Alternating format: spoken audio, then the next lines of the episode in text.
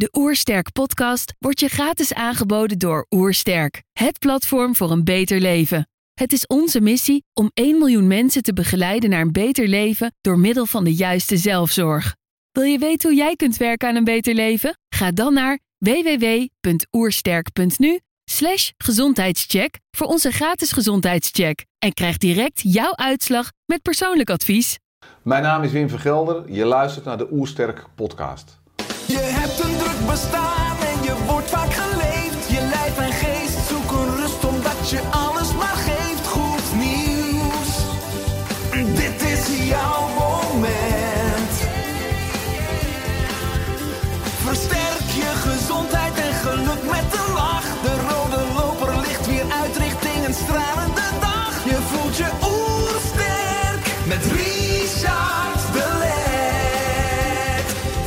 zijn hier in Heemskerk voor een podcast met Wim van Gelder. Wim geeft met zijn bedrijf advies aan scholen, besturen en gemeentes met betrekking tot bewegingsonderwijs. Ook is hij auteur van diverse methodes in het basisonderwijs. Ik ben benieuwd naar zijn tips voor een beter leven. Trouwens, geniet je van onze podcast? Abonneer je dan en laat een reactie of review achter. Zo help je ons om het gezondheidsvirus te verspreiden. Let's start! De Oersterk Podcast. Een ontdekkingstocht naar een beter leven. Wim, welkom. Dankjewel. Ik lees op je website Alles in Beweging. Lees ik de website als het gaat om het begeleiden van kinderen in spel- en beweegsituaties. En dan meer be- bewegen in de klas, op het schoolplein en in de gymzaal. Nou, dat is essentieel. Dan is mijn basisvraag eigenlijk, waarom is beweging voor kinderen zo belangrijk? Ehm, nou, dat is ook een hele grote vraag. Het is ook in relatie tot school, eh, ga je hem straks stellen. Ehm, bewegen is één van de ontwikkelingsgebieden eh, van een kind. Klassiek verdelen we die in eh, sociale ontwikkeling, motorische ontwikkeling en ehm, cognitieve ontwikkeling. En de meeste scholen hebben een waterhoofd naar cognitieve ontwikkeling ook. We sturen daar heel veel op. Hè. De CITO's, de inspectie heeft dat vaak gedaan. Daar zijn wel wat veranderingen in gaande. Ehm, en de zachtere delen van de ontwikkeling van het kind, dus de sociale emotionele ontwikkeling en de motorische ontwikkeling, die, die, eh, die spoelen eigenlijk een beetje onder. En de meeste leerkrachten zitten in een soort pedagogische spagaat tussen die twee elementen van het kind. De cognitieve, het toerusten voor de maatschappij en wat de maatschappij dan belangrijk vindt. En aan de andere kant het mens of kind zijn. En in het men- mens of kind zijn zit natuurlijk ja, spelen en bewegen. Is de, is de ultieme flow waarin een kind kan zitten, Absoluut. zeg maar. En het bijzondere is dan dat eh, in 1900 is de leerplicht ingevoerd voor kinderen. Dat heeft natuurlijk heel veel goeds gebracht. Eh, maar heeft het leven van het kind wel veel statischer gemaakt. Eh, nou, jij weet als geen ander dat er heel veel eh, doorbraken in de geschiedenis hebben geleid tot meer comfort. En dat heeft weer allerlei gezondheidsconsequenties. Maar de school heeft ook een duit in, het zakje gedaan. En daar probeer ik eigenlijk nou inzicht en tegenwicht aan te geven. Ja, want als je dan de kernvraag misschien hoog over is, sluit het huidige onderwijssysteem dan aan bij de basisbehoeften van het kinderlijf? Meestal niet. Nee. Dat is die spagaat waarin leerkrachten zitten. En nog even afhankelijk hoe volgzaam ze zijn. En iemand die heel volgzaam is, die zal dat minder ervaren. En je ziet ook dat in het traditionele vernieuwingsonderwijs, dus dan hebben we het over de scholen die eh, Jenaplan, Frenet, Montessori, Vrije School, die allemaal eh, in het begin van de 20e eeuw zeg maar, zijn ontstaan. Die zijn als reactie ook op het ontstaan van het vele zitten en alleen maar kinderen volstoppen met kennis. En die hebben al veel kennis vergaard en ook didactiek en methodiek rondom het kind bevragen vanuit zijn intrinsieke motivatie, vanuit wat hij of zij in de wereld ziet en ervaart en van daaruit je onderwijsinhouden maken. En ehm, overigens niks ten nadele van basisscholen die dat ook doen en overnemen. Ehm, maar het is nog wel veel op eigen initiatief. En neem bijvoorbeeld een land als Schotland, dat heeft acht jaar geleden, zat het aan de grond wat betreft eh, zowel gezondheidsmonitor als, eh, als eh, in het onderwijs. Dus in die PISA-scores, hoe scoor je in Europa op basis van rekenen, talen, zaten ze heel laag. Heel veel zware kinderen. En die hebben als land gezegd, we gaan het curriculum omvormen. We gaan scholen daarbij helpen. En het uitgangspunt is welzijn en gezondheid. En pas dan, dat zeg maar, dan ben je leerbereid. Dan, dat is de basis en dan begin je mee. Ik denk dat als je het pedagogische hart van de meeste leerkrachten kijkt, dat ze ook zo denken. maar regelmatig door methodes, door CITO's, door ouders andere kant op worden getrokken. En dat zag ik jammer. En iets anders is dat als je het anders wil doen, dat het veel gedoe is.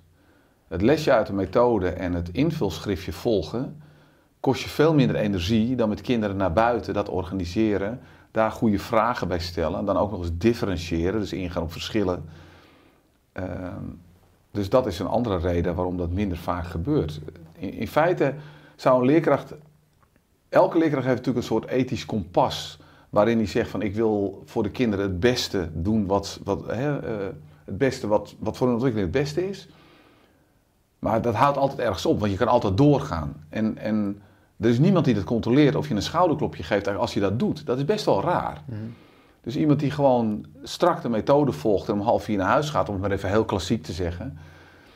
Ja, wie, wie gaat daar wat van zeggen? Een andere leerkracht die bereidt voor, die heeft spulletje, gaat naar buiten.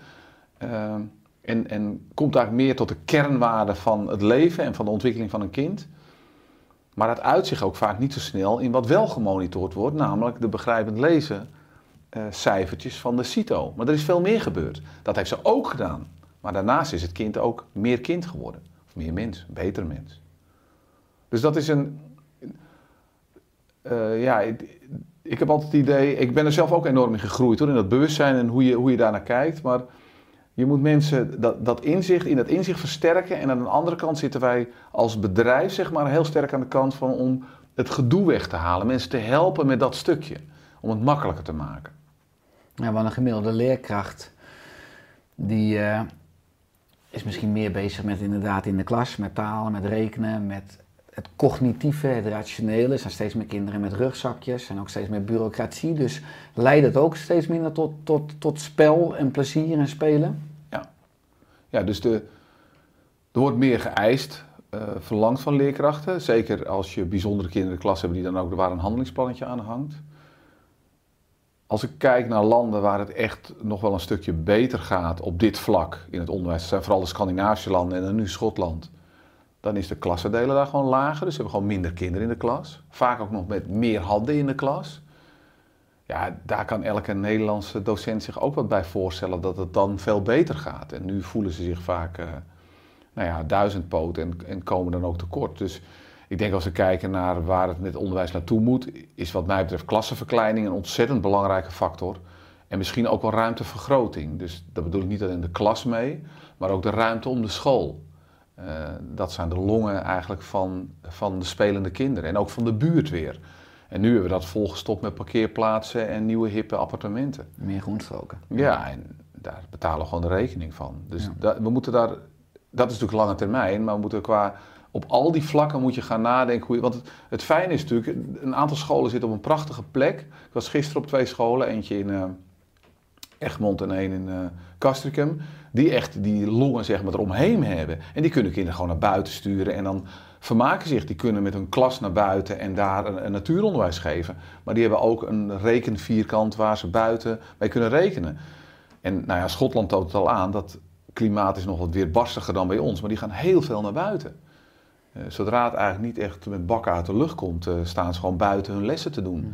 En nou, dat weten we ook wel, van buiten zijn, uh, daar gaan mensen wat beter op dan van binnen zijn. Absoluut. Ja, ja want in mijn, voor, in mijn voorbereiding hè, op dit gesprek vond ik het interessant om ook de verschillen te zien bijvoorbeeld van het schoolplein, hè, van nu en nou, laten we zeggen 30 jaar terug.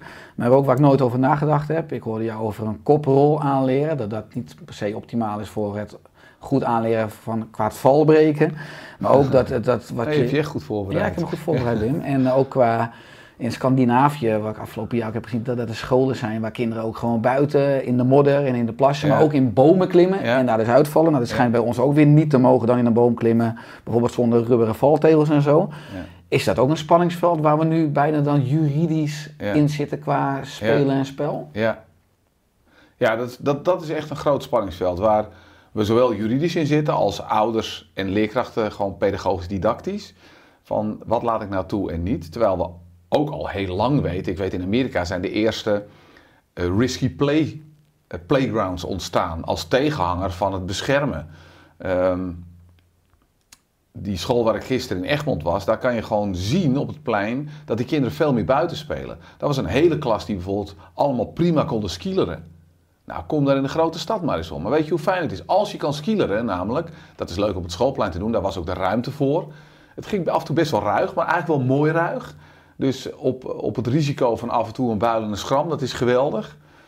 En heel af en toe een breuk, hè, die moeten we ook incalculeren. Zo, da- eh, eh, ja, zo reëel moeten we zijn. Als we dat willen voorkomen, dan komen we er niet. Maar kinderen die, je zag dat ook, het plezier spatte er vanaf. Die gaan buiten ook, die gaan straks ook skileren buiten. Als je nou heeft over bewegingsonderwijs, over gym, dat gaat voor mij helemaal niet om kunstjes. Of om een, nou een koprol is dan helemaal eh, een, een lastige, daar, komen we misschien nog op terug. Maar of je nou kan touwklimmen of een spreidsprong over de bok kan of niet. Het gaat eigenlijk om wie jij bent in het leven. Wat jij moet eigenlijk jouw beweegidentiteit vinden. En daar moet je iemand bij hebben die je daarbij helpt. En die, dat samen moet ervoor zorgen dat jij, eh, als je kind bent, graag buiten speelt en daar de kans voor krijgt. Als je ouder wordt in nou ja, de sport- en beweegwereld waarin we leven, je weg kan vinden. En kunstjes halen die juist van af. Want juist de minder vaardige kinderen krijgen ook alle lage cijfers. En die krijgen de negatieve feedback. Het is eigenlijk waanzin ten top. In die gymnastiekles, dus, vroeger was het echt zo, hè, als je niet kon boksen of je kon het niet, dan viel je af. En dan zat je gewoon aan de kant. Dan moet je je voorstellen als je begrijpend lezen, dus iedereen heeft een leesboekje en dan zeg je, jij kan het niet, je bent, het gaat niet zo goed hè. Dan pak je je boekje toch weg. Dat is wat je doet. Het is echt waanzin voor iets wat voor de, voor de identiteit van een kind cruciaal is. Hoe die in een groep staat, hoe die beweegt, hoe die speelt met andere kinderen. Het, eh, ja, schandalig. Als je kijkt naar. Ik zeg, toen ik jonger was, maar toen ik vroeger op de basisschool zat, eh, hadden we ook gymles en dan moesten wij spreken dus bok springen over elkaars rug heen. Ja. Eh, nou, er waren er altijd twee of drie die dat wat minder goed konden. Als je dat nu zou kijken naar een huidige klas eh, op een op basisschool, zijn, zijn er nog veel meer kinderen die dat niet beheersen of niet kunnen. Ja, ja, veel meer. Dus dan zie je die motorische vaardigheden Ja, en die dat is ontwikkeling. bizar. Ja. Vanaf ergens de jaren eh 70 is dat dalende al. Dus al, al- we weten in ieder geval zeker vanaf eh, zeg maar, ja, het al- is dat, dus het is al 30, 40 jaar gaat de gemiddelde motorische vaardigheid omlaag. Er is wel veel meer aandacht gekomen voor talenten. Hè, dus die krijgen, daar wordt heel goed over nagedacht. Dus ja, die, die, die jongetjes die naar AZ gaan en die, de meisjes en jongens die in de keurploeg turnen komen, Ja. daar is ontzettend goed over nagedacht. Dus je hebt een heel klein laagje wat eigenlijk een beetje uitgeknepen wordt en, en motorisch helemaal eigenlijk ge- geëxploiteerd wordt. Als Ja. ik het negatief floreert Ja. mag je ook zeggen, maar ik vind ook nog wel eens geëxploiteerd, Ja. zeg maar. En de, bij de andere is natuurlijk een heel bijzonder eh, principe ontstaan. Ehm, de buitenruimte is steeds giftiger geworden hè, op basis van verkeer. Eh, jij kon misschien ook nog eh, stoepranden tussen de straten en dat, dat is nu al heel erg Ik moeilijk ben geworden. opgegroeid op mijn woonerven, altijd buiten. Ja, Ja. dus daar zit iets in. Eh, kinderen, we weten ook dat als kinderen minder vaardig zijn, dat ze dus minder uitgedaagd worden om iets te gaan doen. En, en ook fitheid en vaardigheid zijn enorm gekoppeld. Dus een fit kind beweegt sowieso veel meer. Dus als je een schoolplan een kind volgt, dan een fit kind loopt gewoon bijna drie keer zoveel als een minder fit kind. En leert ook drie keer zoveel als een minder fit kind. Dus dat, dat, dat springt enorm uit elkaar. Terwijl als we weer naar vroeger teruggaan, ik vind een van de leukste voorbeelden is kaatsenballen. Wat onze moeders zeg maar deden tegen de muur. Dus twee of drie ballen en daar hadden ze allerlei liedjes bij van koning Willem I op één been en eh, dat soort dingen. En dan krijg je wel eens de vraag, maar hoe kan, waren er dan geen onhandige kinderen? Want dat is ook impliciet jouw vraag een beetje. Eh, nou, één, de onhandige kinderen. Er waren minder onhandige kinderen, sowieso. Maar dat kwam ook omdat er was binnen gewoon geen moer te doen. Dus, dus eh, eh, zelfs in mijn jeugd was er nog nauwelijks tv en ging je naar buiten, ging je heel veel buiten spelen. En iemand die dus ging, ka- allebei ging kaatsenballen, maar de onhandige meisjes ook. En waarom leerden ze dan? Omdat ze doorgingen. Nou, hier ligt een kernwaarde van ontwikkeling en van opvoeding. Kinderen leren bijna niet meer doorzetten als het niet lukt, of gewoon iets doen als het wat saaier is. Dus ze moeten nu heel snel bevredigd worden. Leerkrachten en ouders gaan daar ook op aan en uit, op snel bevredigd. Ah, dat is saai. Saai is een hele bijzondere uiting van kinderen, dat ze het soms moeilijk vinden, of dat ze er tegenaan schuren om het te gaan leren, of dat ze zelf een oplossing moeten kunnen verzinnen om het minder saai te maken. Dit is ook mijn eigen leerweg geweest. Ik ben, ik ben echt van de, van de vermaker van kinderen. Ehm, heb ik het op een gegeven moment aangedurfd om kinderen meer ehm, in hun verveling te laten. En ze daar tot inzicht te laten komen wat er nodig is om eruit te komen. Dat is zelfregulatie. In plaats van dat ik alles reguleer. Dat is ook een fout van ons onderwijs. We proberen alles voor die kinderen te regelen. En eigenlijk moet je dat zeker ook bij bewegen en spelen bij de kinderen zelf laten. Want uiteindelijk moeten ze het zelf doen. Leren ook. Uiteindelijk moeten ze op de middelbare school zelf een huiswerk doen. Dus vanuit die giftige omgeving, verkeer en minder naar buiten, eh, sneller zeg maar, verveeld en niet doorzetten. en natuurlijk een enorme aantrekkingskracht van wat er binnen gebeurt in tv. Nou, daar zijn de tablets en de telefoons bijgekomen, de computerspelletjes, die allemaal ontzettend statisch zijn. Eh, en zeker de minder vaardige kinderen een veel fijnere wereld bieden dan ze op het moment dat ze naar buiten gaan. Dus ook nog jouw beelden van vroeger. Er zijn filmbeelden van gymlessen uit de jaren 70. Prachtige beelden van Ton Boot, die in Alkmaar daar een gymles geeft. Allemaal jongens met ontbloot bovenlijf.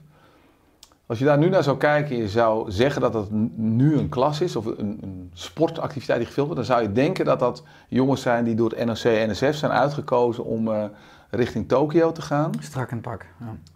Mager, echt mager. Wat, nu zouden we zeggen mager, maar vaardig, onver, dat, ja, dat kan je nu niet meer voorstellen. Dus dat is letterlijk hoor, er zijn ook allemaal grafiekjes van.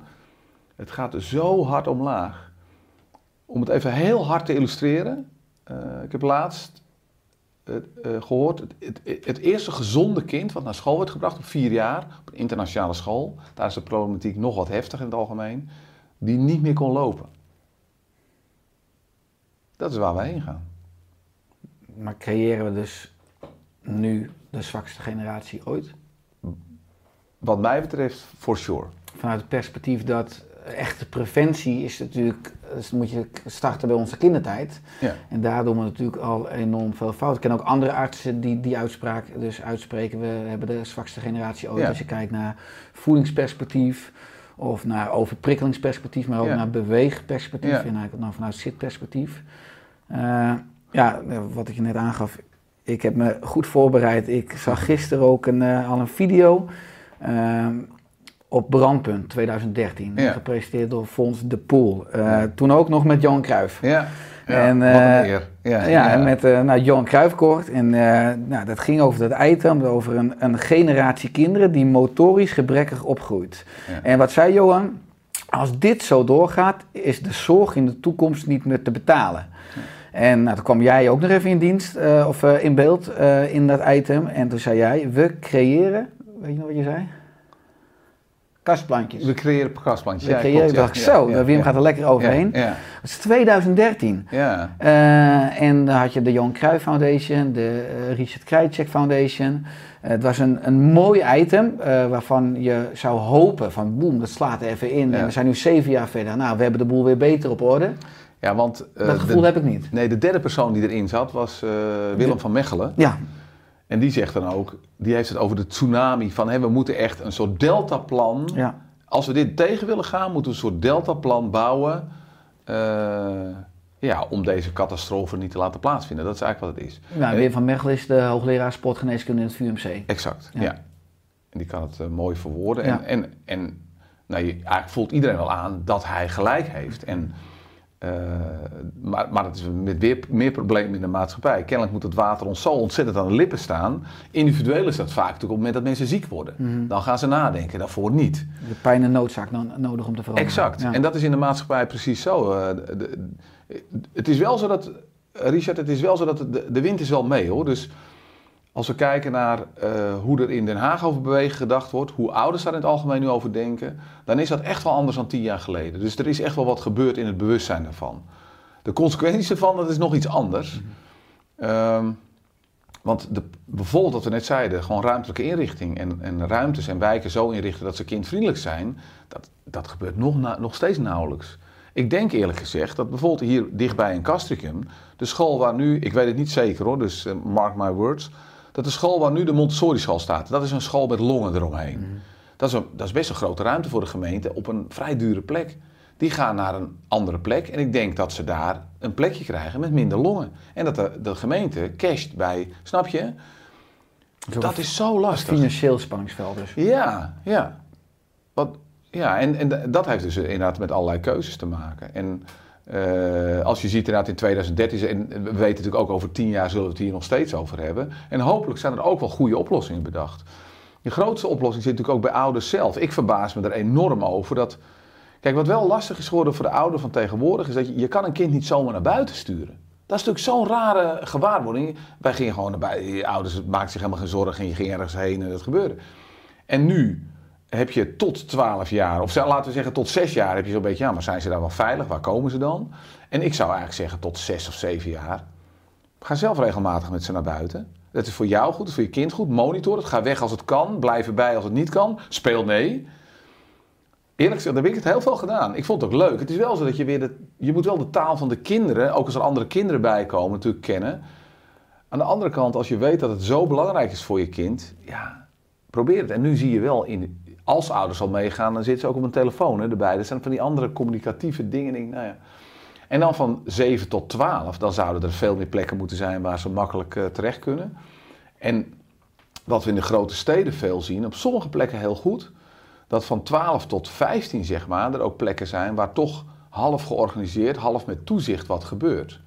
En dan vooral, er is één wijk in Rotterdam waarin zes gymnastiekers allemaal de gymlessen geven. Die doen ook de naschools, op, naschools aanbod. Die hebben contact met de sportvereniging en met de wijk.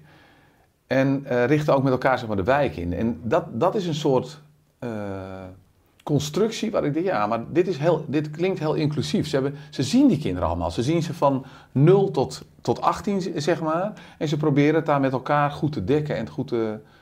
Ik denk dat we daar naartoe moeten. Dat, ooit, als je vanuit vroeger denkt, denk je van hoe is het mogelijk dat we het zo moeten regelen? En is dat niet allemaal over... Maar ik denk dat dat de manier is om het misschien weer te tackelen. Mm. Ja, maar als je kijkt naar een school, kun je zeggen, zorg dat kinderen meer op het schoolplein zijn en eigenlijk minder op de stoel zitten. Ja. Nou, als we dan teruggaan, die je noemt, die is die uh, hoogleraar sportgeneeskunde Wim van Mechelen. Die zegt dus ook in die uitzending in 2013, we moeten een deltaplan inactiviteit hebben. Ja. Uh, zo groot is, uh, althans toen, zeven jaar geleden, het probleem al. Maak van onze kindjes geen brekenbeentjes. Hè. Toen in 2013 waren er 230.000 sportblessures bij kinderen. En de, de oorzaak was dat kinderen motorisch onderontwikkeld sporten en niet weten hoe ze moeten vallen. Ja. Nou, dat is zeven jaar geleden. Ja. Zie je dus ook dat de blessures alleen maar toenemen? Um, maar ja en nee. Het is, er zijn twee effecten. Kinderen maken veel minder uren buiten. Mm. He, uh, maar als je gewoon per uur gaat kijken, dus dat ze, dat ze buiten zien, zijn er veel meer blessures. En wat betreft botbreuken, breuken is hier heel, uh, die is heel bijzonder, want deze uitspraak is naar aanleiding van een onderzoekje naar uh, een aantal scholen die aandacht hebben gehad voor valbreken. En uh, daarin bleek dat een uh, lessenserie uit mijn hoofd van zes lessen, waarin aandacht werd besteed aan valbreken, dat die kinderen dus over een periode van twee jaar minder breuken lieten zien dan de kinderen die dat niet hadden gedaan. Nou, dit geeft al aan hoe ver we zijn. Hè? Dat, dat zes lessen over valbreken al zoveel effect hebben. Ik zou willen dat elk kind goed leert valbreken. Vroeger leerde we dat omdat we heel veel buiten speelden. En je dat vanuit alles wat je deed en alle risico's die je nam, zeg maar, ontwikkelde. En valbreken betekent dus dat als je struikelt en valt, dat je op een natuurlijke manier opvangt. Ja, dat je weet wat je moet doen. Ja. En dat je dus Doorrollen niet... is een van de belangrijkste, maar het kan ook, uh, uh, en het kan alle richtingen op. Hè, dus vooruit, zijwaarts, achterwaarts. Wat, vooral wat doe je met je hoofd, waar laat je je hoofd. Maar ook wel in andere situaties dat je juist voorover moet opvangen. Het zijn allerlei, dat is natuurlijk verschillend. Maar dat doen je, dieren toch veel meer intuïtief? Ja, maar het intuïtieve, dat, uh, dat leer je ook door ervaring. Mm -hmm. En die ervaring is er ja, niet. Precies. En als je dan ook nog zwaar en slap bent. Ja. En een mooi voorbeeldje. Uh, op, op de Pabo hebben wij een werkweek en uh, nou, allerlei activiteiten. Je ziet het helemaal voor je. En er waren ook zeepbanen. Dat doen we al een tijdje eigenlijk. En op een gegeven moment konden we de zeebanen waarop ze dan gingen glijden, konden we zeker niet meer staand doen, omdat er veel te veel studenten waren die achterover vielen, maar dan ook niet de power hadden om hun hoofd naar voren te houden. Dus die klikten allemaal met hun hoofd naar achter en er kwam regelmatig een hersenschudding voor. Dat was daarvoor nooit gebeurd, toen wel. Dus toen hebben we, ja, dan doen we het zittend of op je knieën. Nou ja, de volgende generatie, die kan het ook niet zitten, die knikt nog. Snap je? Zo, dat is bizar hoe dat gaat. Maar over valbreken. Ik vind ook dat valbreken. Daarom kwam ik op dat statement. Ik heb, ik heb een blog geschreven over de onzin van de koprol. Um, En dat komt eigenlijk omdat de koprol st- stellen wij heel centraal in ons bewegingsonderwijs. En dat komt eh, voort uit eigenlijk de traditie van het turnen. Vader Jaan heeft meer dan 200 jaar geleden nou ja, een hele leerlijn, eh spreidsprong over de bok, een leerlijn, koprol, salto neergelegd. En dat zijn we eigenlijk heel braaf gaan volgen. In, in onze perceptie van leerkrachten is dat de manier waarop je leert bewegen. En eigenlijk is het andersom. Jaan heeft ooit iets bedacht waardoor hij dacht, nou ja, dit zijn aardige eh oefeningetjes, daar gaan we eens mee aan de slag om mensen wat te harden. Maar we konden ook niet buiten die eh, context denken. En het wonderlijke is dus, omdat we de koprol wel leren, maar valbreken niet, willen kinderen, als ze vallen, recht over de kop. Wat meestal de slechtste manier is om over de kop te gaan, om je val te breken. Nog los van het feit dat we daarmee beginnen als het kleuters zijn. En dan heb je relatief korte armen en een groot hoofd. En is koprollen heel lastig. Dan komt er ook vaak nog wat dwang bij kijken. Nou, dan zijn we helemaal een eind van huis. Er zijn de kinderen die motorisch wat minder sterk zijn. Die ook nog een beetje bangig zijn. Die worden gedwongen om iets te doen wat ze niet kunnen. Ja, die zijn de weg kwijt. Dat, dat, gaat niet werken. Dus ik ben er enorm voorstander van om vanaf hele jonge leeftijd, maar vier jaar komen ze op school, om vanaf dat moment eh, het valbreken te propageren. En het begint met, hele, met schuin rollen. Gewoon schuin. Dus we kennen allemaal wel de pannenkoekrol of de deegrol gewoon helemaal in de lengteas. Maar er zitten allerlei rollen tussen. Eigenlijk de rollen die mensenapen maken, maar die ook alle mensen die nooit met het gedachtegoed van vader Jaan in aanraking zijn gekomen, dus denk aan Zuid-Amerika, eh, Afrika, maar ook Azië, die rollen alle, allemaal over hun zijkant weg. Allemaal. En heel goed ook. Dus, en als je dat, dat zou eigenlijk elke les in de les moeten zitten. En ik wil graag dat kinderen dan niet alleen leren rollen op een matje of een dikke mat, maar ook op de gymzaalvloer, die vrij zacht is. En in groep 7, 8 op de straatstenen kunnen rollen. Dat is een life skill. Daar heb je je hele leven wel aan. Wat we nu doen, is dat we 70-jarigen weer in een valbreekcursus zetten. En wat blijkt dan? Dan zijn ze weerbaarder, ze durven meer, ze hebben meer zelfvertrouwen, ze zoeken elkaar meer op. Nou, dat, dat moeten we heel anders opbouwen. Nou, Wim van Mechelen gaf ook advies toen in die documentaire 2013. Oplossing, zei hij, zorg iedere dag één uur gymna gymnastiek door een goede vakleerkracht. Ja, Dus dat een kind iedere dag één uur gymt. ja. Nou, ik zie bij Noah al uh, bij spreken op school hoe relatief weinig het in de week is. Maar dat is nog één uur per dag. Door een goede vakleerkracht dan nog een tweede. Maar is dat nu in het huidige onderwijs realistisch? Nou ja, we hebben net eh, een maand geleden is eh, een nieuw wetvoorstel. En in ieder geval twee keer drie kwartier verplicht in Nederland. Dat is, In de eh, week.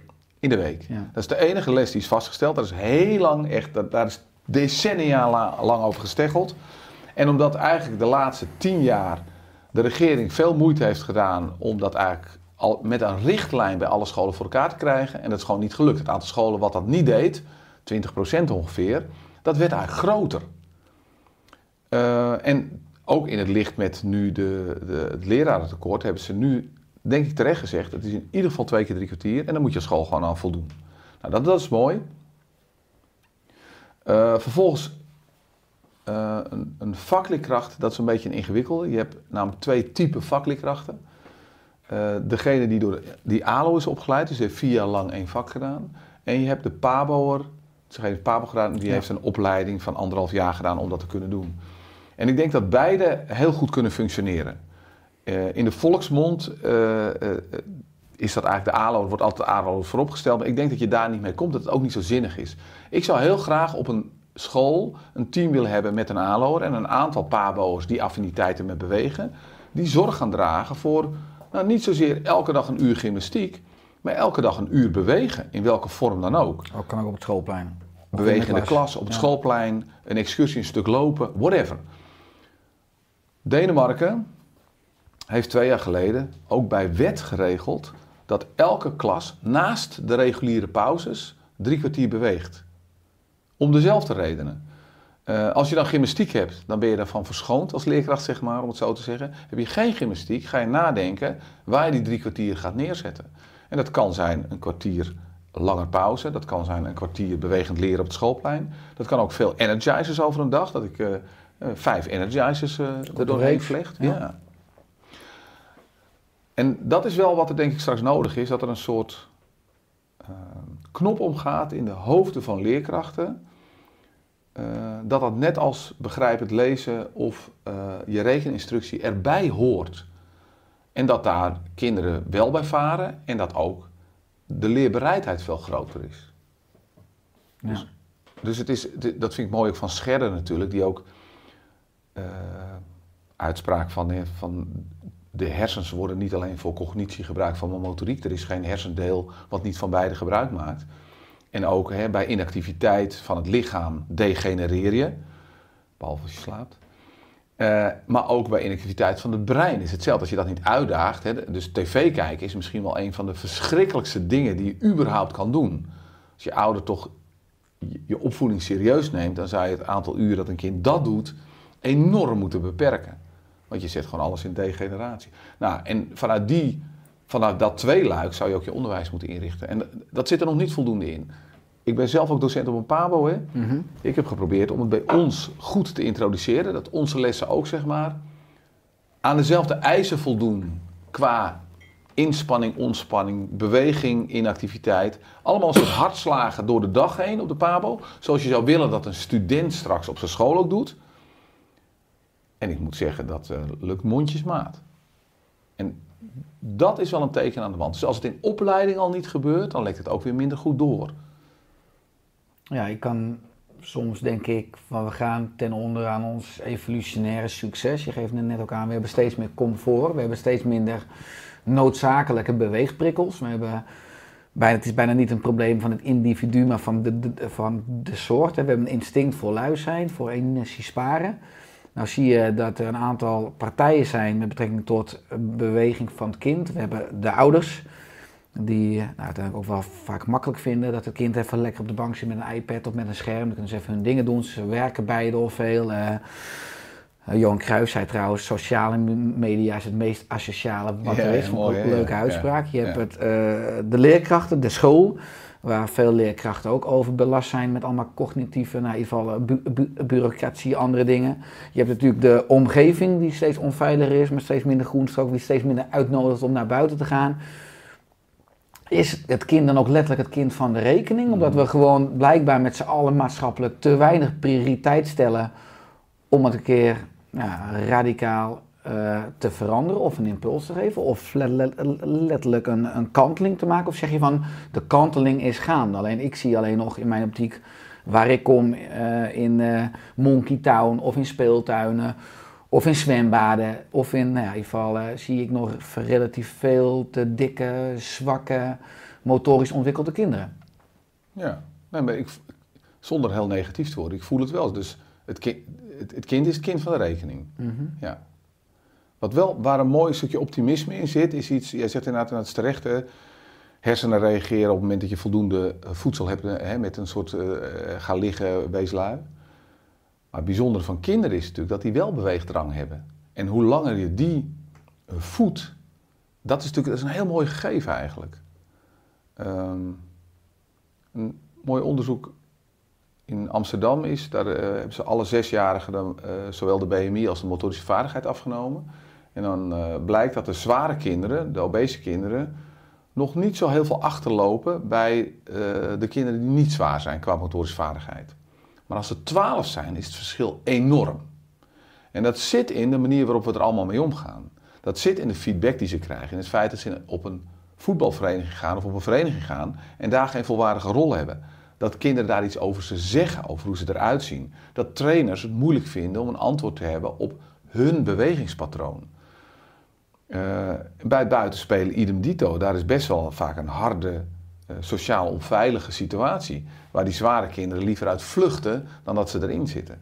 En dus is in die, in die, in die 6 en 12 jaar is helemaal de perceptie en de motivatie van deze zware kinderen totaal veranderd. En dat komt waarschijnlijk nooit meer goed. Dat is ontzettend moeilijk om je daaruit te ontworstelen. Terwijl eigenlijk de kans er ligt dat die kinderen, zeker tot een jaar of zes, vanzelf als de brand weer gaan. We hoeven alleen maar de omgeving mooi in te richten. En neem een les bewegingsonderwijs. Ik gebruik altijd de metafoor van de apenkooi. Erik Scherder trouwens ook. Die, die ga ik, kom ik zo over terug. Ik mooi dat hij doet. Die heeft een, een column geschreven over slimmer door apenkooien. De apenkooi is de, de- waarschijnlijk de enige activiteit in een gymles die iedereen oké vond. En er zitten een aantal principes achter waarom dat zo is. Eén is, iedereen beweegt. Dat klinkt al vrij ridicuul voor een les bewegingsonderwijs, maar het gebeurt veel te weinig. Je staat veel vaker in rijtjes te kijken of te luisteren naar lichten. Iedereen kan aan de gang. Je kan het doen op je eigen niveau. Want je kan kiezen wat je wil. Er zit ook nog keuzevrijheid tussen. Je kan eigen niveau en keuzevrijheid. Er is geen oordeel over wat je moet doen. Er is geen etalage. Er kijkt niemand naar wat jij doet. Terwijl je het ook met elkaar doet. Het is een hele bijzondere situatie die eigenlijk vergelijkbaar is met hoe buitenspelen zou moeten zijn. Maar letterlijk hoe elke les zou moeten zijn. Voor elk kind. Je komt erin, je beweegt, je speelt, je zit eigenlijk in een soort flow. En dat, daar slagen we dus niet in. De minder vaardige kinderen zijn zeker kind van de rekening. De vaardigen veel minder. En dan zitten we ook nog eens met het sociale. Dat je niet alleen motorisch minder vaardig bent. Maar als je niet meespeelt, heb je ook geen vrienden. Dus het is zo'n giftige cocktail. Want dan hebben we het over fysieke gezondheid. Maar denk ook eens aan de geestelijke gezondheidszorg. Van al die kinderen die zijn afgewezen. Die hebben geleerd dat ze het niet kunnen zoals andere kinderen het kunnen doen. Nou, dat is heftig. Ja. Absoluut. Ja. ja. ik heb twee zoons. James is uh, nu ruim één jaar. Nou, die kruipt en die is nu bezig met lopen en dan nog wel vasthouden Ja. en overstappen. Maar ik zie die beweegdrang bij hem. Nou, Noah is, eh, is negen jaar. Die, eh, natuurlijk, hij fietst, maar hij zit op voetbal. Ik ben ook zijn leider, Ja. trainer trouwens bij ADO. Ik vind het hartstikke leuk. ADO gekozen.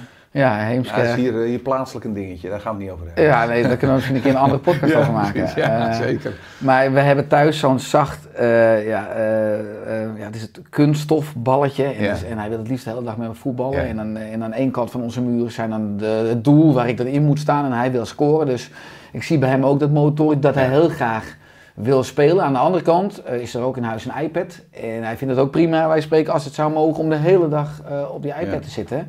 Wat je zegt, enerzijds als we die leefomgeving en van de woonwijken tot bredere fietspaden, tot maar veel meer groenstroken, speelplaatsen. En anderzijds denk ik dat in huizen de, de- het schermgebruik, of dan puur denk ik ook gewoon de tablet of de iPad gebruik, dat dat voor heel veel ouders, zeker ook die kijken of luisteren, een uitdaging is met kinderen. Ja. Maar kinderen hebben niet een rem dat ze zeggen van nou pap, mam, een uurtje is lang genoeg. Hè. Wij hebben met Noah ook afspraken over. Vaak is het maar maximaal een half uur. Ja. Ik zet het piepje van de oven en als het piepje gaat, Ja. dan gaat de iPad uit. Eh, is dat ook iets wat je meeneemt in je, in je concept, of waar je eventueel voor ouders die luisteren een concreet advies voor over zou hebben, hoe ze dat zou kunnen aanvliegen? Want het leidt eh, tot conflict. Het kind is Ja. er niet blij mee. Want Nee. denkt, ja, laat mij maar een hele dag zitten. Dat vind ik eigenlijk veel leuker dan, dan buiten spelen.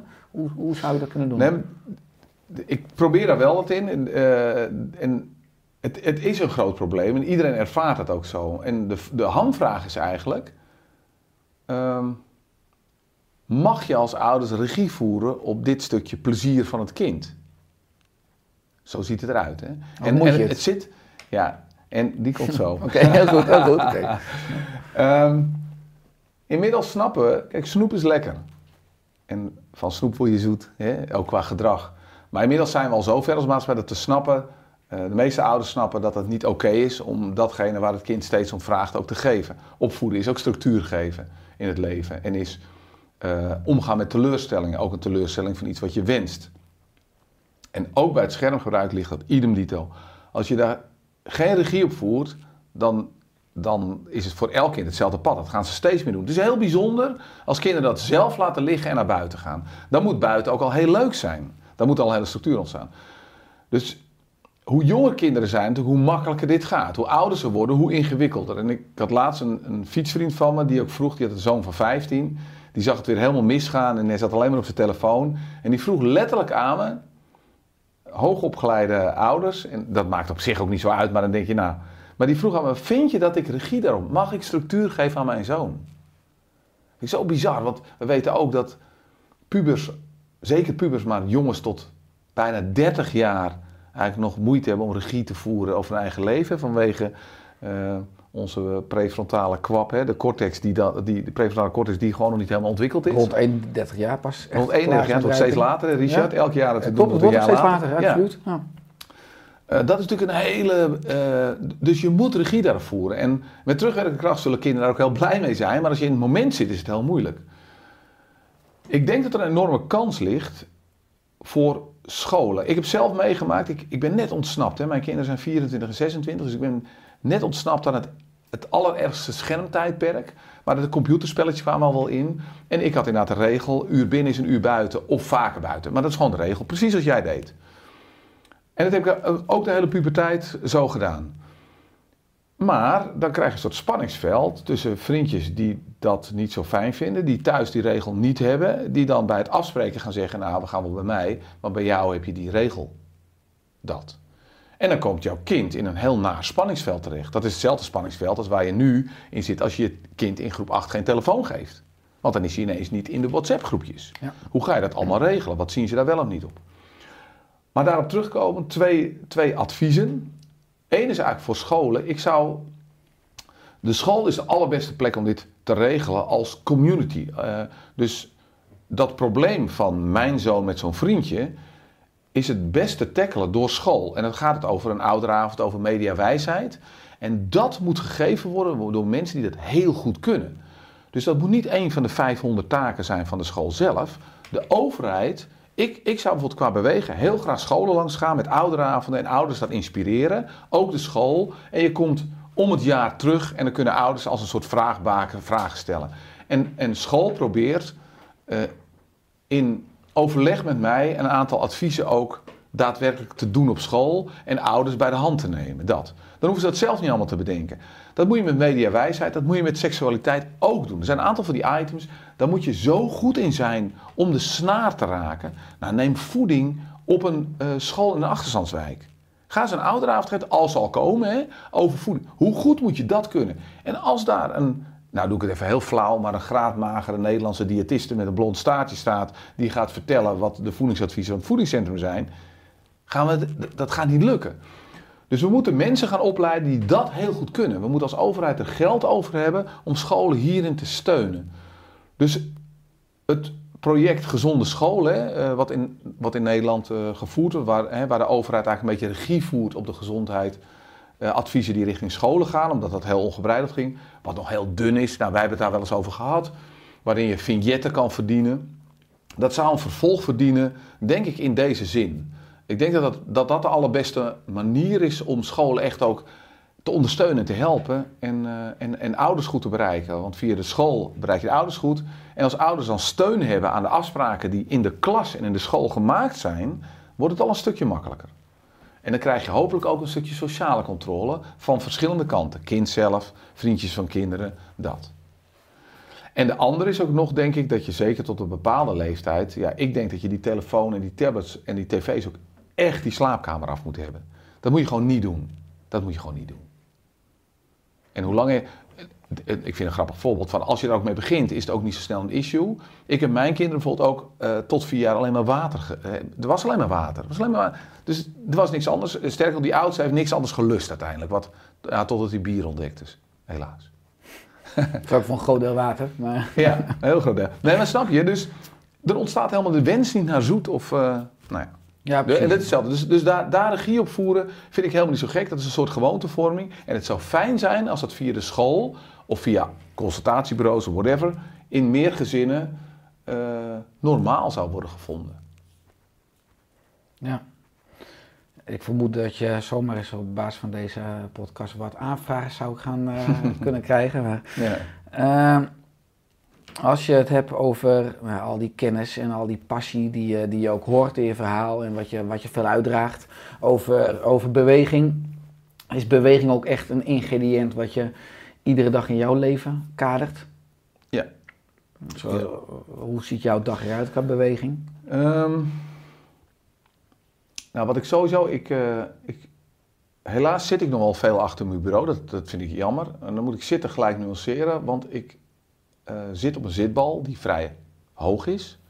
Uh, 15 centimeter hoger dan zichthoogte, waardoor je sowieso al het effect krijgt dat je zeg maar, je bloedbaan en je zenuwen minder afsluit. En omdat het instabiel is, dat je beweegt. Ja. Bovendien, als er gebeld wordt of er is wat, dan ben ik heel vaak eigenlijk aan het balanceren. ben ik gewoon pielen op die bal. Ja. Nou, alle ouders even. Um, twee adviezen over uh, uh, materiaal in je huis. Koop alsjeblieft die zitballen. Die zijn ook voor kindhoogtes. Laat ze, als ze een computerspelletje of tv kijken, op die bal zitten. Ik heb daar ook een tijdje met mijn kinderen gewoon een regel van gemaakt. Als je tv kijkt, zit je op de bal. En uh, als je van de bal afgaat, gaat de tv uit. Dat klinkt misschien heel flauw.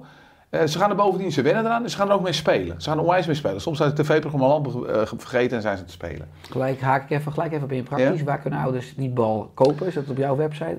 Eh, ja, dat kan ook via onze website. Ja, maar noem, ja, noem ja. hem maar gelijk, anders gaan wij er heel veel mails over krijgen. Dus wel, Ah, Allesinbeweging.net, ja? daar kan je... Goed zo, ga door, dank je. Ehm, want er zijn wel ergonomisch verantwoorde ballen en gewoon ballen die je bij de Lidl en de Aldi koopt. En daar kan je prima mee spelen overigens. Maar zodra je er langer op zit, dan is het te veel een zitzak. En er moet een bepaalde spanning in zitten. Nou, die snappen er er dus geen bal van. Wat zeg je? Nee, ik denk, maar maak even een grapje. Ik zeg, Oké. ik zeg, die snappen er dus geen bal van. Nee, maar nee, het gaat ja, door. ja. Ik zal Ja, even, ik zal even in mijn rol vallen. Ja. En de andere is trampolines, hè? daar ben ik ook heel blij mee. Ja. Trampolines zijn geweldig. En die heb je natuurlijk groot in de tuin. Als jij een- geen, geen grote tuin hebt, je hebt ook van die kleine van een meter. Gewoon binnenzetten, muziek aanzetten, samen springen, Van twee Bellicom, naast elkaar. ja. Van Bellicom zijn ze helemaal geweldig. Die zijn een stuk duurder, maar die zijn, als je dat als ouders ervoor over hebt, fantastisch om te springen. Echt heel erg gaaf. Dus dat zijn wel, eh, waardoor, en dat is een stukje gewoontevorming.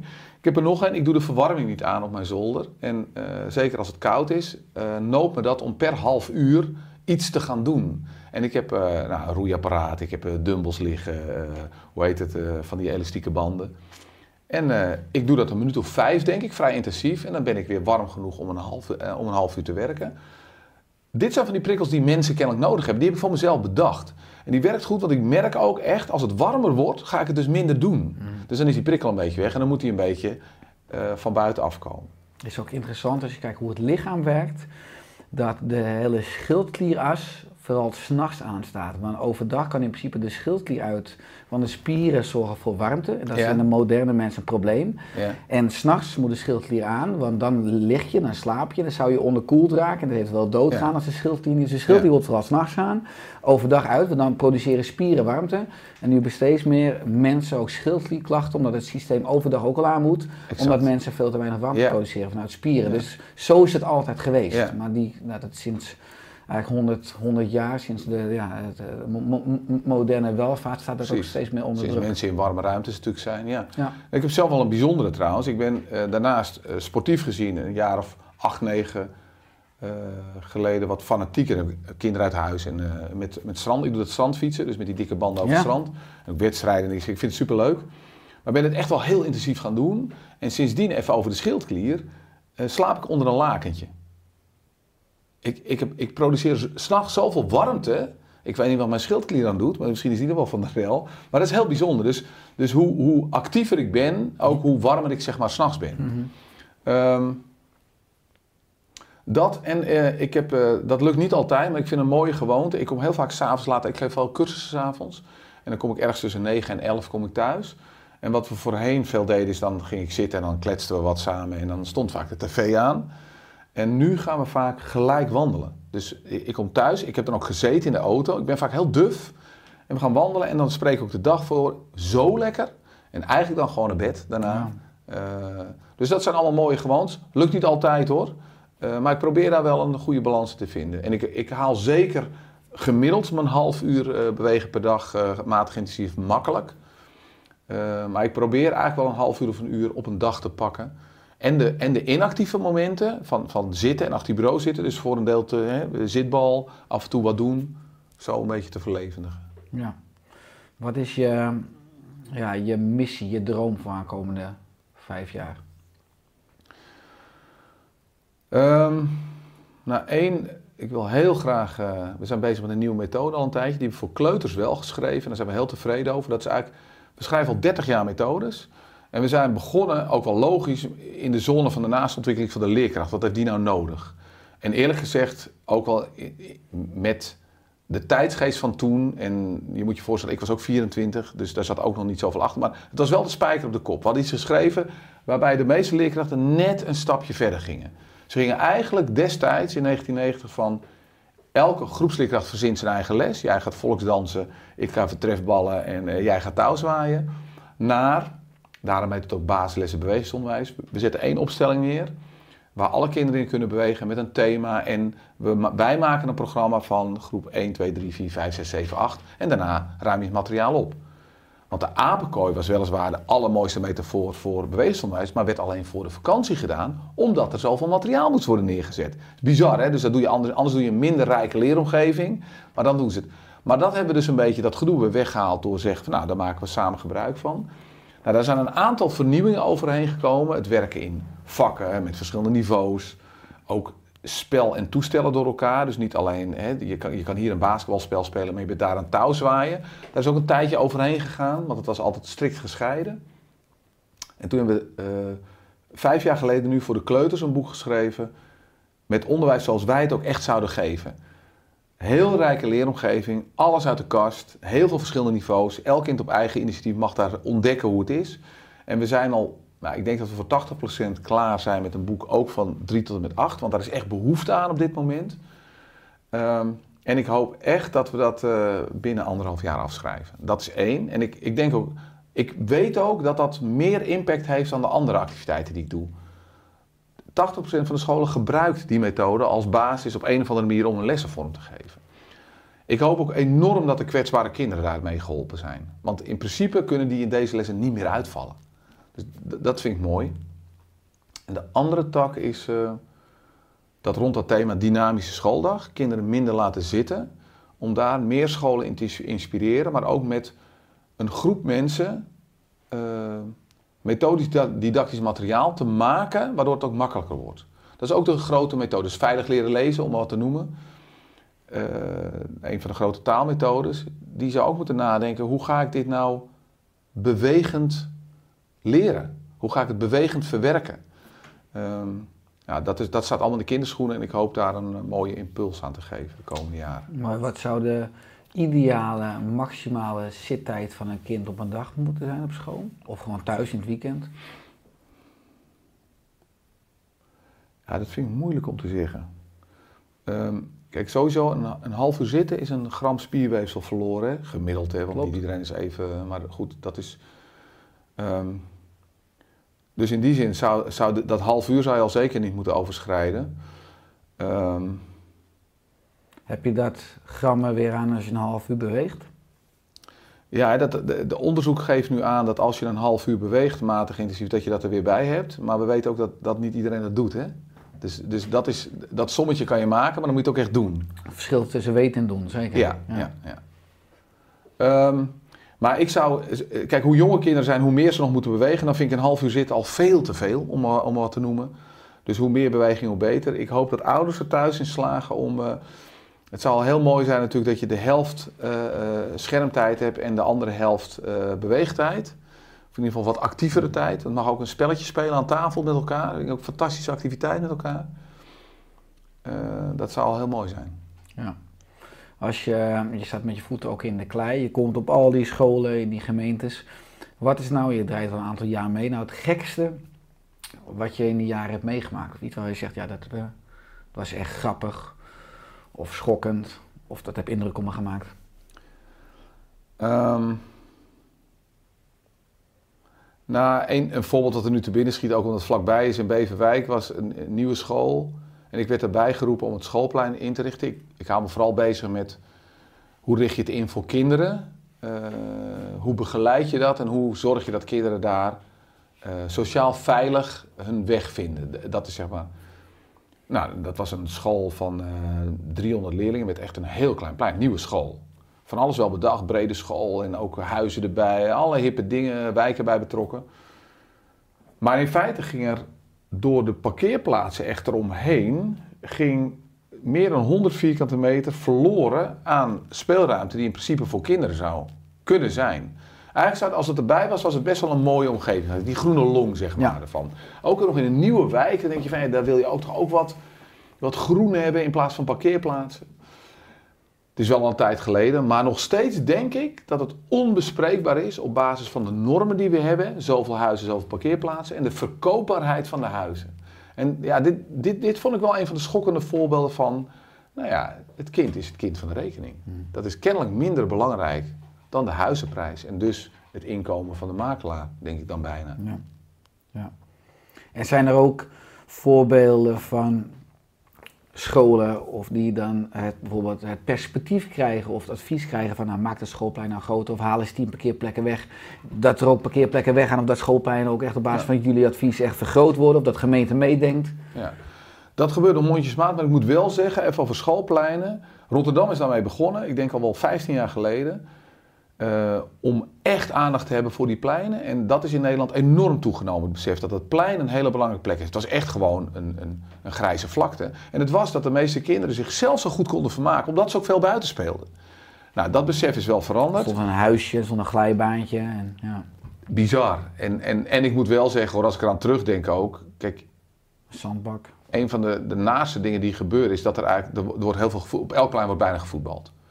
Maar er wordt gevoetbald in veel te grote aantallen. Dus er wordt 10 tegen 10 gespeeld. Als we goed eh, inhoudstechnisch kijken naar een spelletje voetbal, dan kan een groep 8, 7, misschien 4 tegen 4 spelen en dan doet ook iedereen mee. Elke speler die erbij doet, dus 5 tegen 5, 6 tegen 6, die is eigenlijk nutteloos in het spel. En dat gaat hij ook voelen zelf en die gaan ook ander gedrag vertonen. De meeste scholen is gewoon 10 tegen 10. Dit vinden leerkrachten heel moeilijk om zich daar tegen te wapenen. Dit gebeurde eerlijk gezegd vroeger ook. Alleen omdat er vaak misschien meer ruimte was. Ik, ik kan me van mijn eigen basisschool wel herinneren dat die aantallen misschien iets anders waren. Maar dit was wel iets wat van, wat van alle tijden was. Maar in zeg maar de, de hoeveelheid spelen die ze sowieso die je buiten al deed, in je 15, 20, 30 uur op een, was dat niet zo erg. Nu is het schoolplein steeds belangrijker geworden voor de bewegingsontwikkeling van kinderen. En ook voor de sociale ontwikkeling. En is er wel veel meer kennis eh, gekomen en geld om die scholen in te richten. Dus hier een, een bestuur die vlakbij, Tabijn, die heeft afgelopen jaar gezegd... 100.000 euro eh, hebben we dit jaar beschikbaar voor elke school eh, die een goed plan heeft. Niet die hele 100.000, hè, maar een deel elk jaar. Dat doen ze volgend jaar weer. En dus gaan scholen nadenken over een goed plan. Dat wordt gehonoreerd. Er zijn mensen die er naar kijken. En worden pleinen snel beter. Ehm, dat vind ik heel mooi. Als straks de gemeentes en ook nog gaan meedenken over het vergroten van het plein. Of het vergroenen van de wijk. Ja, dat zou fantastisch zijn. En dan heb je ook weer meer mogelijkheden om daar didactische ruimte van te maken. Dus ook je andere lessen in te geven. Zou heel mooi zijn. Er is hoop. Er is absoluut Ja. hoop. Eh, we hebben het gehad specifiek over het kind. Eh, ik weet trouwens, ik krijg een leuke mailtje al over de Oerstek podcast, dat ook echt ouders met kinderen iedere week naar de Oerstek podcast luisteren. Oh, dus er zijn zeker Ja. kinderen die deze podcast horen, maar vooral natuurlijk ouders en volwassenen. Heb je ook nog eh, misschien één, misschien twee praktische beweegtips voor die luisteraars of mensen die naar ons op YouTube eh ons zien en kijken. Maar mensen weten allemaal wel hoe belangrijk het is, maar Ja. toch veel mensen doen het niet Nee, of het lukt nee. niet. Of ze denken morgen, volgende Ja. week heb je... Nou, voor ouders sowieso op nummer 1 staat het eigen voorbeeld. Ja. Wat, wat jij zelf doet, gaan je kinderen doen. Ga dat niet met woorden anders proberen te maken. Dat is gewoon niet zo. Dus leef zelf het leven waarvan je wil dat het kind het leeft. En dat betekent dus veel naar buiten, wandelen, samen spelen. Ehm, dat, is een, dat, dat, dat is denk ik, dat staat bij far op één. Ehm, en we weten ook dat dat voor, eigenlijk voor jezelf beter is. Voor leerkracht hetzelfde. Hè. Dan hebben we het over outdoor classroom. Ja, er zijn niet alleen de kinderen buiten, maar ook jij als leerkracht bent buiten. Hoe vaker we buiten zijn, eigenlijk hoe gezonder, hoe fijner, we voelen. Nou, zelfs alle geluksmonitoren zijn gekoppeld aan buiten zijn. Ehm, het andere is, vind ik ook wel leuk, denk na bij de cadeaus of wat je kinderen geeft. eh, die gaan ook vaak richting schermgebruik of spelletjes. Denk elke keer na of je een beweegcadeautje zou kunnen geven op een of andere manier. Dat kan een uitje zijn, ergens heen, want je kan vinden van de balorigs en dingen wat je wil, maar er wordt wel volle bak bewogen. Eh, er zijn tegenwoordig ook steeds meer, vind ik heel leuk, alle dierentuinen hebben bijna ook altijd een mooie speeltuin erbij, wat fantastisch is om te doen. Ehm, maar denk aan bewegen. Dus Sinter, ik probeer voor mijn scholen altijd, op, wij doen het ook op onze website ook wel, hebben we elke keer als Sinterklaas weer aanbreekt, hebben we tips aan cadeautjes die je zou kunnen geven. Ik heb bijvoorbeeld al de zitbal en de trampoline genoemd als cadeautjes. Maar er zijn ook elk jaar weer hypes eh, op beweeggebied. En, en koop dat, doe zelfs mee. Eh, dat bottleflip bijvoorbeeld is een tijdje een hype geweest. Daar heb je niet eens wat voor nodig. Ga zelf als ouders ook bottleflippen. Verzin wat je daarmee kan. Ja. Vinden kinderen eindeloos leuk. Ja. Ik denk dat daar, daar heel veel kracht in, eh, in, in schuilt. Is er aan het einde van de podcast nog iets waarvan je zegt, ik wil dit zelf nog graag toevoegen of noemen? Ik zou het niet weten. Waar kunnen mensen meer lezen eh, over jou en wat je doet? Nou, het is grappig. Jij hebt zelf kennelijk gegoogeld op mijn naam. En dan komen er al een aantal, eh, denk ik, blogs en video's die, die, die goed toegankelijk zijn en waar je wat over kan leren. Als je, vooral als je het onderwijs zit, is onze website uh, allesinbeweging.net ook heel interessant. En daar staan behalve tips ook heel veel nascholing op. Want ik geloof wel dat je Um, je kan veel, veel leren van voorbeelden, maar onderwijs is heel, zit heel veel nuance in. En ik denk dan dat het face-to-face daarin en daarin geïnspireerd worden en dan weer zelf verder gaan uh, heel belangrijk is. Absoluut. Wim, dank voor je deelname aan de Ooster podcast. En vooral dank je wel dat je kinderen en volwassenen in Nederland letterlijk in beweging zet. Jij ook bedankt. Alle goeds.